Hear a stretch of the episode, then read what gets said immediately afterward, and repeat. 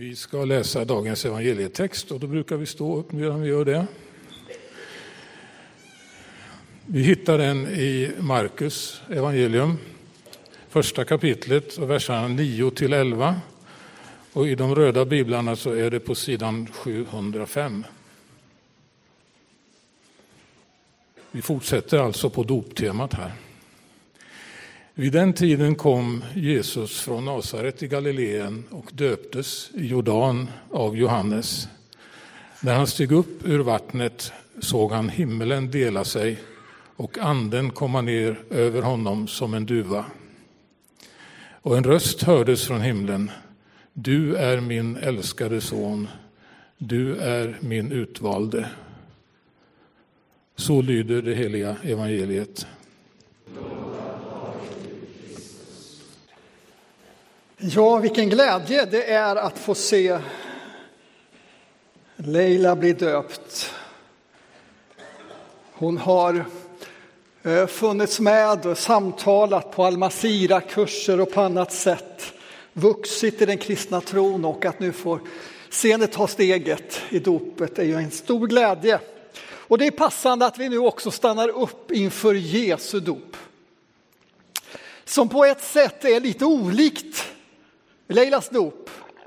Jesus döptes ju inte till Kristus på samma sätt eller för att få syndernas förlåtelse. Men samtidigt är Jesu dop förebilden för både Leilas och vårt dop. Och jag tänkte säga någonting om detta idag. Och när vi nu går till Markus och inledningen där så är det ju en rivstart Markus gör. Det är liksom som man öppnar sitt evangelium med dopet direkt.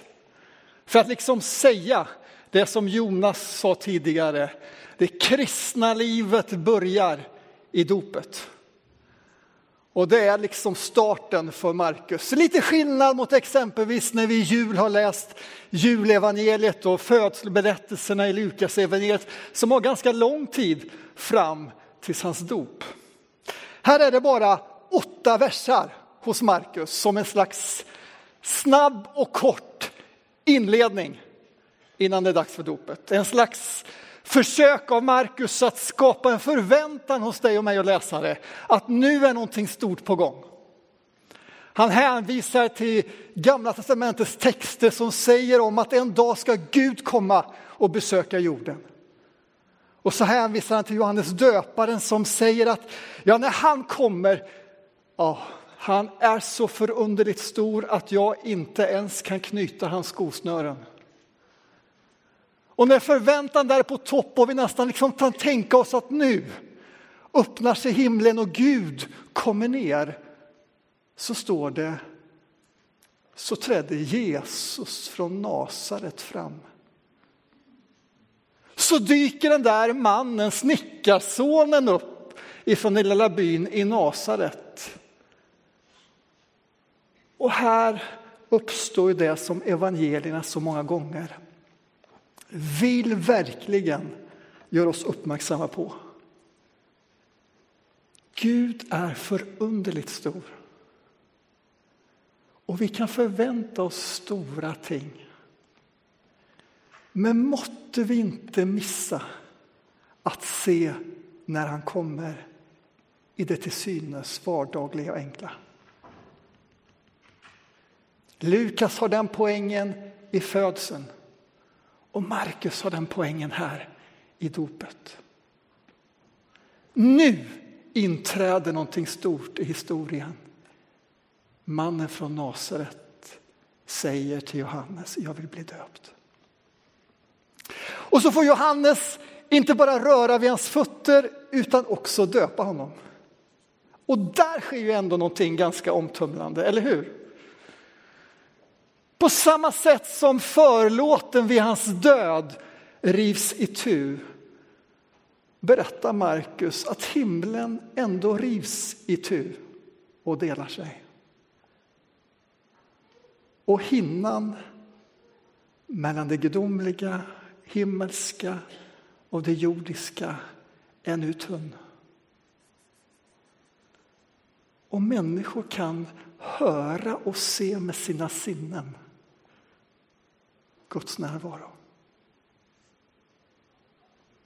Och vi kan ju ana vad samtalsämnet vid kvällsmaten för hundratals människor blev den kvällen.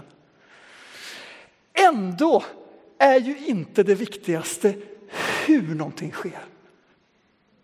Utan vad är det som nu skedde? Och jag skulle vilja säga två saker om det.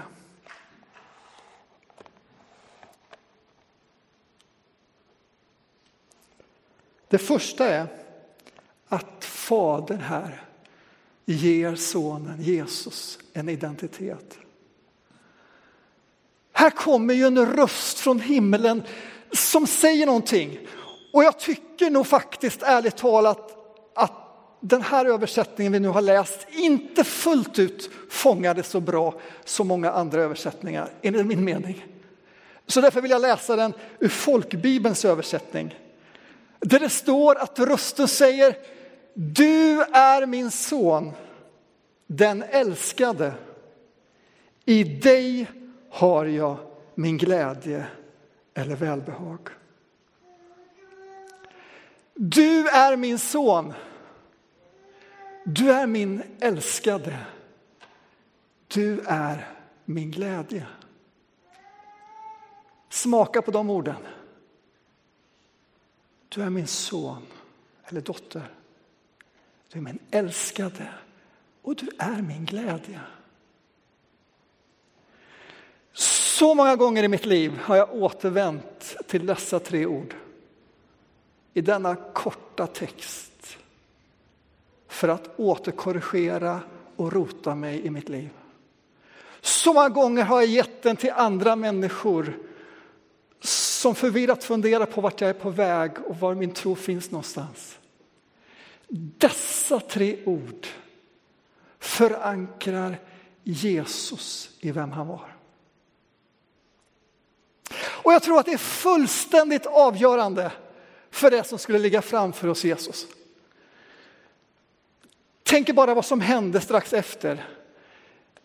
Så hör han ju röster hela tiden. I öknen kommer tankarna inifrån som ska få honom att bevisa vem han är för sig själv. Ja, om du nu är det, Guds son, sonen, så tycker jag nog att du behöver visa det lite tydligare. Ett tips skulle kunna vara att du klättrar upp på tempelmuren och hoppar ner därifrån. Det skulle göra en storslagen entré och vara någonting att lägga upp på Instagram och ganska tydligt säga att nu vet ni vem jag är. Och rösterna fortsätter. Ända fram tills han hänger där. Och då hörs det tydligt ropet. Hörru du, om du är sonen, Guds son, kliv ner. Ja, för då ska vi tro på dig. Hur oerhört nära hade det inte varit för Jesus att kliva ner. Tro på mig. Försök att förstå vem jag är. Om inte dessa ord hade klingat i hans liv. Jag är hans son. Jag är hans älskade. Jag är hans glädje.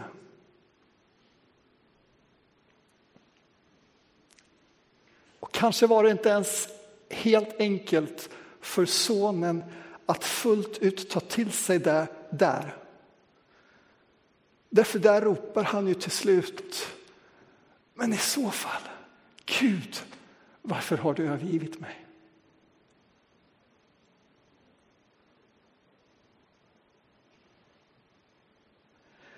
Kan vi känna igen oss?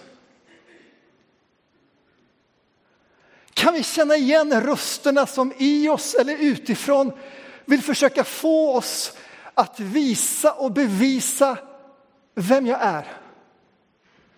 Genom att ständigt göra eller köpa eller visa upp eller på något sätt se till att andra ser och förstår vem jag är. Det kan ske överallt. Faran kan finnas här, för mig. Och den kan finnas i våra telefoner, där det kanske mer än någonsin det ska visas och bevisas. Vem är jag egentligen?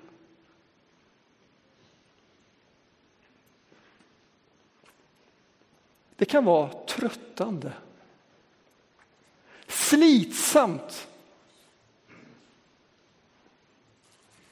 Och Bibeln påstår att det kan leda till ett slaveri.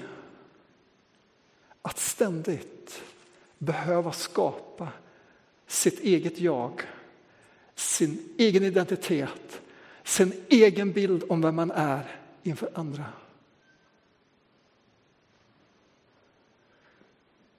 Och här pekar det som Leila har varit med om, dopet, på någonting annat.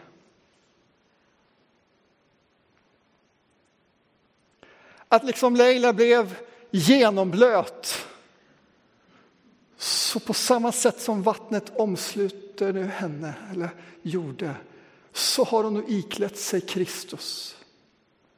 Blivit inadopterad och blivit Faderns dotter.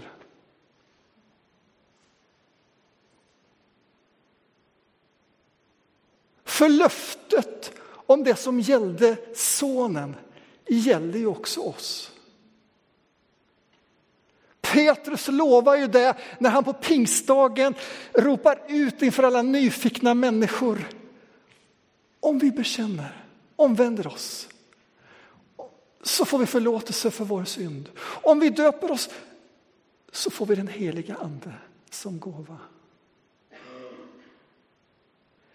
Där får vi vår identitet.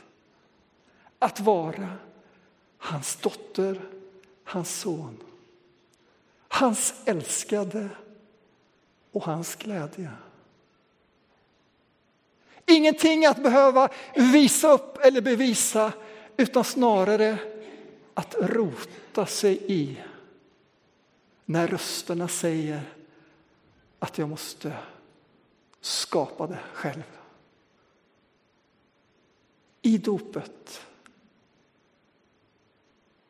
är vi hans son och hans dotter.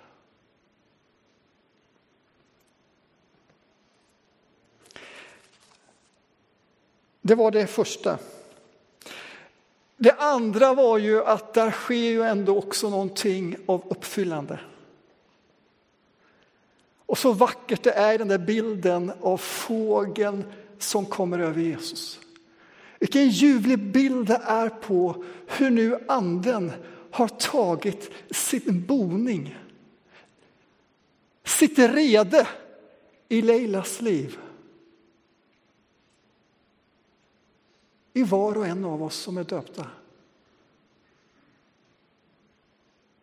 Och så har vi fått bli fyllda av den heliga Ande. Inte för att få en kick eller samla på sig en ännu en upplevelse för att just bevisa eller visa vem jag är. Utan för att kunna samverka med Faderns vilja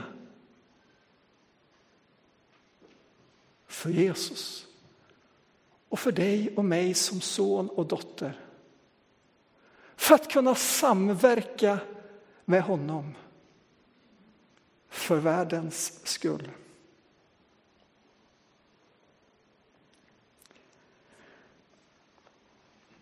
För mig var det över 35 år sedan jag döptes. Och jag ska villigt erkänna att jag minns i stort sett ingenting. Jag vet inte om den var, kändes väldigt händelselöst. Men det är inte så konstigt att en händelse bleknar, eller hur? Leila, det kommer den göra för dig med. Med ett årens gång så kommer ett minne blekna. Det är inte det avgörande. Det avgörande är att det som sker i dopet inte bleknar utan får upprepa sig – igen och igen och igen.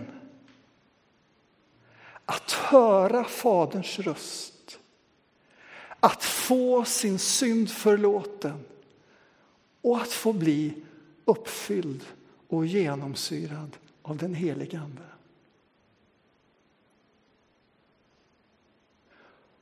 Och detta är det som står i centrum och erbjuds och möjliggörs i söndagens efter söndagens gudstjänster. Vi lyssnar till ordet. Vi stannar upp och reflektera från veckan som har gått. Är det någonting jag behöver överlämna och bekänna till honom innan vi tar emot Kristi kropp för mig utgivet? Och vi får möjligheten att gensvara. Kanske genom att böja knä här. Och en del kanske har sett att några sticker ner fingrarna där nere i vattnet. Inte för att det där vattnet är på något sätt speciellt. Eller för att man råkar vara extra smutsig på fingertoppen. Utan som en liten praktik på, en påminnelse om. En dag var hela mitt jag också omsluten. Och jag är döpt, vare sig minnet har bleknat eller inte. Och så erbjuds vi att få gå till bönerummet och liksom Leila som kommer gå dit sen och förebeder kommer be för henne att den anden nu får genomsyra hennes liv så inbjuds vi söndag efter söndag till samma förbön. Inte för att vi har något speciellt bekymmer eller något stort problem, utan för att den anden som finns i dig och mig som döpt behöver få beröra och genomsyra våra liv igen och igen.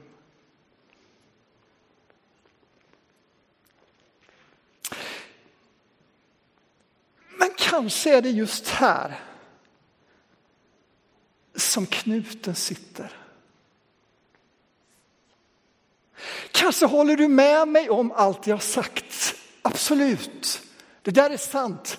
Preach it. Men när det kommer till frågan om att någon skulle lägga handen på mig, att den heliga ande skulle uppfylla mig på något sätt. Men vänta lite nu så är det som rösterna igen då dyker upp.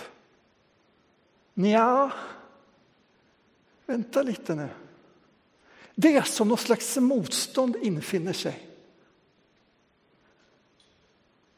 Vad kan de bero på? Ja, det kan vara så enkel sak som att jag har gjort det där en gång tidigare och det blev inte så bra. Det kanske blev en obehaglig situation, kanske var det en förebedjare som, som på något sätt gjorde att det där blev ingen god erfarenhet. Och det vill man inte vara med om igen.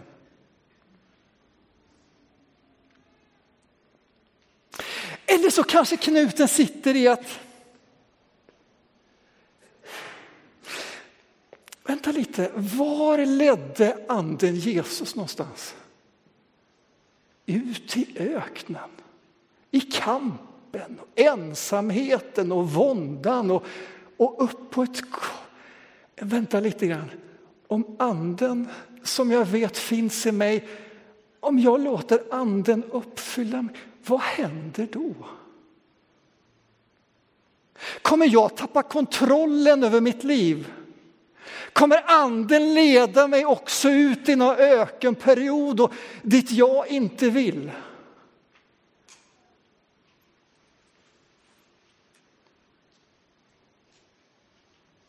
Det är förståeliga, mänskliga frågor och motstånd som dyker upp.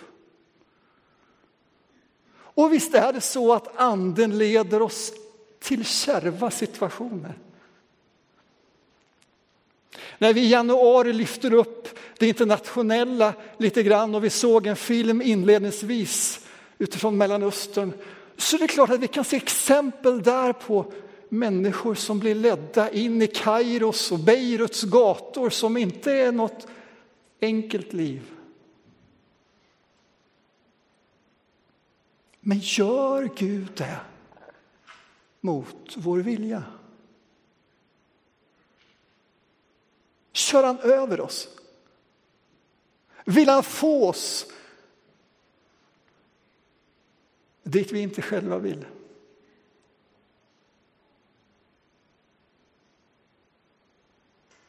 Här blir det avgörande om identiteten om Faderns tilltal som ekade över Jordans vatten och träffade Jesu trumhinnor och som söker våra liv, men inte bara våra trumhinnor utan djupet av våra hjärtan. I botten av våra liv. Vågar jag tro att jag faktiskt är Faderns glädje? Vågar jag lita på att Faderns godhet leder mig in i någonting gott?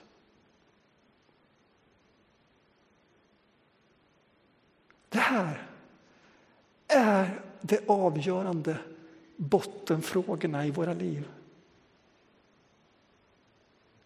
Det var det för Jesus i hans verk och genom alla hans passage och hans kamp.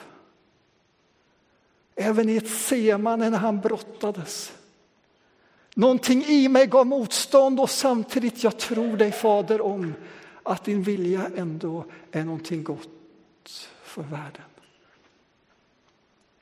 Jag vill det du vill.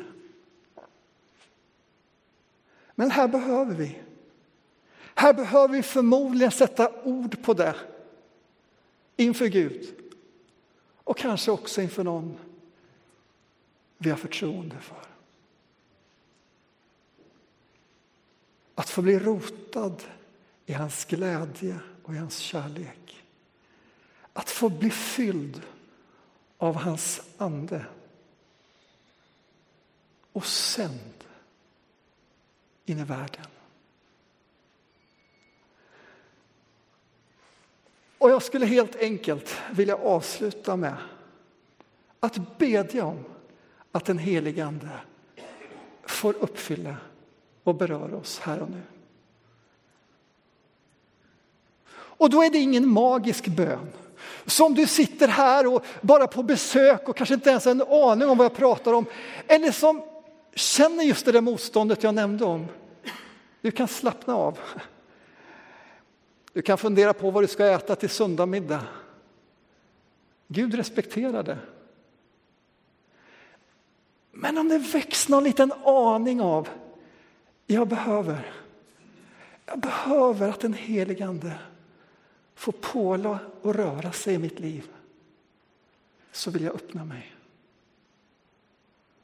Ska vi be om det? Och så får du vi söker inga tecken, vi söker inget märkvärdigt, vi bara söker i stillhet. Och rör sig någonting i ditt liv, dyker det upp en längtan, en tanke, så är du fri att gå vidare med den på det sätt du vill. Ett samtal direkt med Gud, Fadern, eller kanske med en förebedjare här sen. Eller när du kommer hem, bestäm själv. Blir du besviken och tycker att nej, jag som längtade efter något men Återigen verkar det vara bara grannen som blev berörd.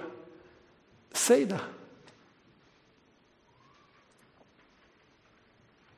Och när jag har bett så kommer lovsångsteamet att, att, eh, spela någon liten enkel, um, ja, enkel vet jag inte om den är, men den kommer bara vara en instrumental sång. Och du är kvar i detta. Och om du vill kan du blunda och tänka dig in att du står Kanske inte med Laila där, men med Jesus i Jordans vatten. Och du hör Faderns röst in i ditt liv. Och någonstans ber om heligande uppfyll också mig denna dag. Ska vi be?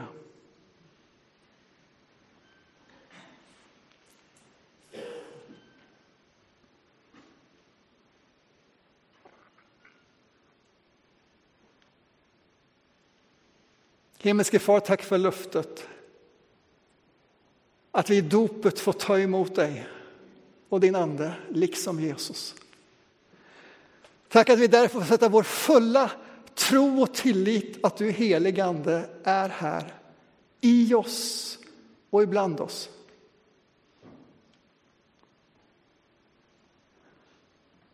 Ber vi dig heligande Ande att du rör och berör och uppfyller oss och möter oss där vi befinner oss och på det sätt vi vill komma dig till mötes.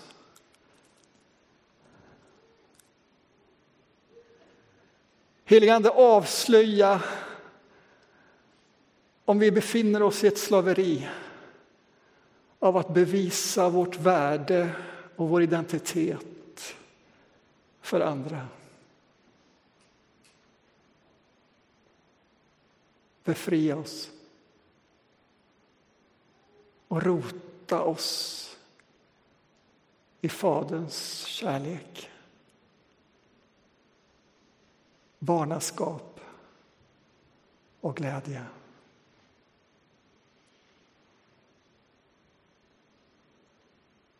Helige kom och möt våra djupaste behov och längtan.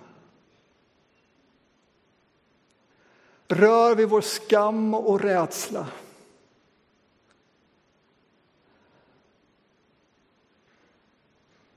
Och mätta oss du. Uppfyll oss du. Och ge oss den kraft vi den här dagen behöver.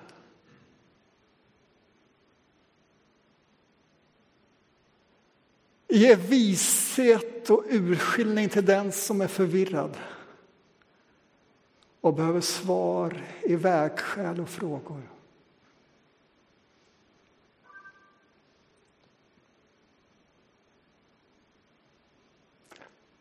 Och sänd oss in i det som är våra liv och vår vardag.